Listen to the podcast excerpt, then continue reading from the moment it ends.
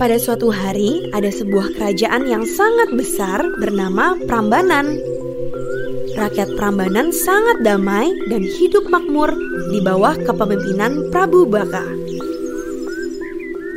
Di sisi lain, ada sebuah kerajaan yang tak kalah besarnya dengan kerajaan Prambanan, yakni Kerajaan Pengging. Kerajaan tersebut terkenal sangat arogan dan ingin selalu memperluas wilayah kekuasaannya. Kerajaan Pengging memiliki seorang kesatria sakti yang bernama Bondowoso. Dia mempunyai senjata sakti yang bernama Bandung, sehingga Bondowoso terkenal dengan sebutan Bandung Bondowoso. Selain mempunyai senjata yang sakti, Bandung Bondowoso juga mempunyai bala tentara jin bala tentara tersebut digunakan Bandung Bondowoso untuk membantunya menyerang kerajaan lain dan memenuhi segala keinginannya. Suatu ketika, Raja Pengging yang arogan memanggil Bandung Bondowoso. Raja Pengging memerintahkan Bandung Bondowoso untuk menyerang kerajaan Prambanan. Keesokan harinya, Bandung Bondowoso memanggil bala tentara jin dan langsung berangkat ke kerajaan Prambanan. Hai bala tentaraku yang setia, mari kita serang kerajaan Prambanan. Setibanya di Prambanan, mereka langsung menyerbu masuk ke dalam istana Prambanan. Prabu Baka dan pasukannya kalang kabut karena mereka kurang persiapan. Akhirnya, Bandung Bondowoso berhasil menduduki kerajaan Prambanan dan Prabu Baka tewas Bondowoso dan pasukannya disambut gembira oleh Raja Pengging. Raja Pengging pun mengamanatkan pada Bandung Bondowoso untuk menempati istana Prambanan dan mengurus segala isinya, termasuk keluarga Prabu Baka. Pada saat Bandung Bondowoso tinggal di istana, dia melihat seorang wanita yang sangat cantik jelita. Wanita tersebut adalah Roro Jonggrang, putri dari Prabu Baka. Saat melihat Roro Jonggrang, Bandung Bondowoso mulai jatuh hati. Tanpa berpikir panjang, Bandung Bondowoso langsung memanggil dan melamar Roro Jonggrang. Wahai Roro Jonggrang, bersediakah engkau menjadi permaisuriku? Mendengar pertanyaan dari Bandung Bondowoso tersebut, Roro Jonggrang terdiam dan terlihat bingung. Sebenarnya dia sangat membenci Bandung Bondowoso karena telah membunuh ayahnya. Di sisi lain, Roro Jonggrang merasa takut menolak lamaran Bandung Bondowoso. Akhirnya setelah berpikir sejenak, Roro Jonggrang menemukan satu cara supaya Bandung Bondowoso tidak jadi menikahinya. Baiklah, aku menerima lamaranmu. Tapi setelah kamu memenuhi satu syarat dariku. Apakah syaratmu itu, Roro Jonggrang? Buatkan bagiku seribu candi dan dua buah sumur dalam waktu satu malam.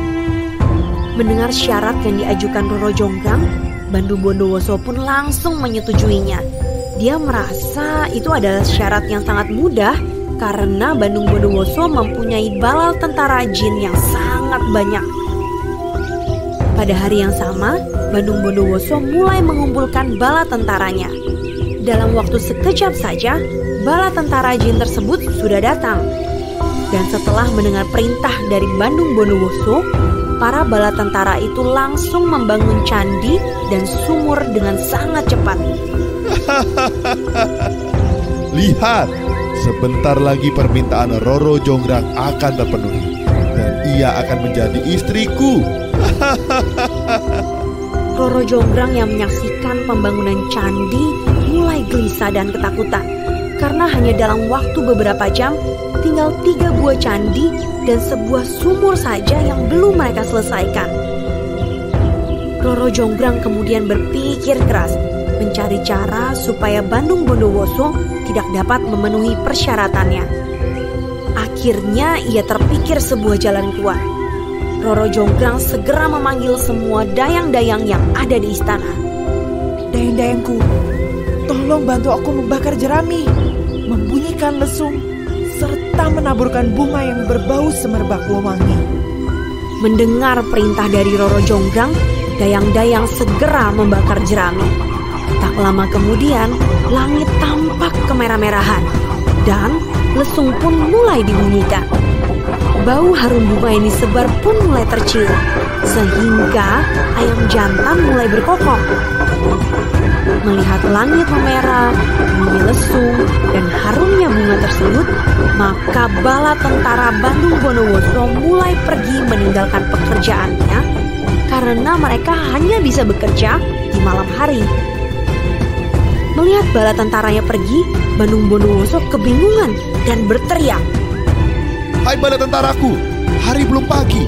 Kembalilah untuk menyelesaikan pembangunan candi ini. Para jin tersebut tetap pergi dan tidak menghiraukan teriakan Bandung Bondowoso.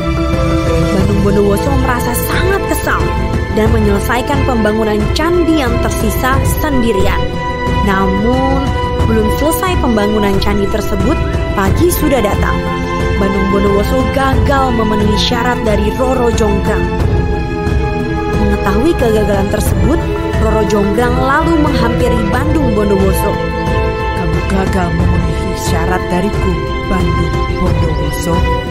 Mendengar perkataan Roro Jonggrang tersebut, Bandung Bondowoso sangat marah. Kau curang Roro Jonggrang. Sebenarnya engkaulah yang menggagalkan pembangunan seribu candi ini. Oleh karena itu, aku akan mengutuk engkau menjadi patung yang ada di dalam candi. Dengan kesaktian Bandung Bondowoso, Roro Jonggrang langsung berubah menjadi patung wujud patung tersebut hingga kini dapat disaksikan di dalam kompleks Candi Prambanan dan nama candi tersebut dikenal dengan Candi Roro Jonggrang.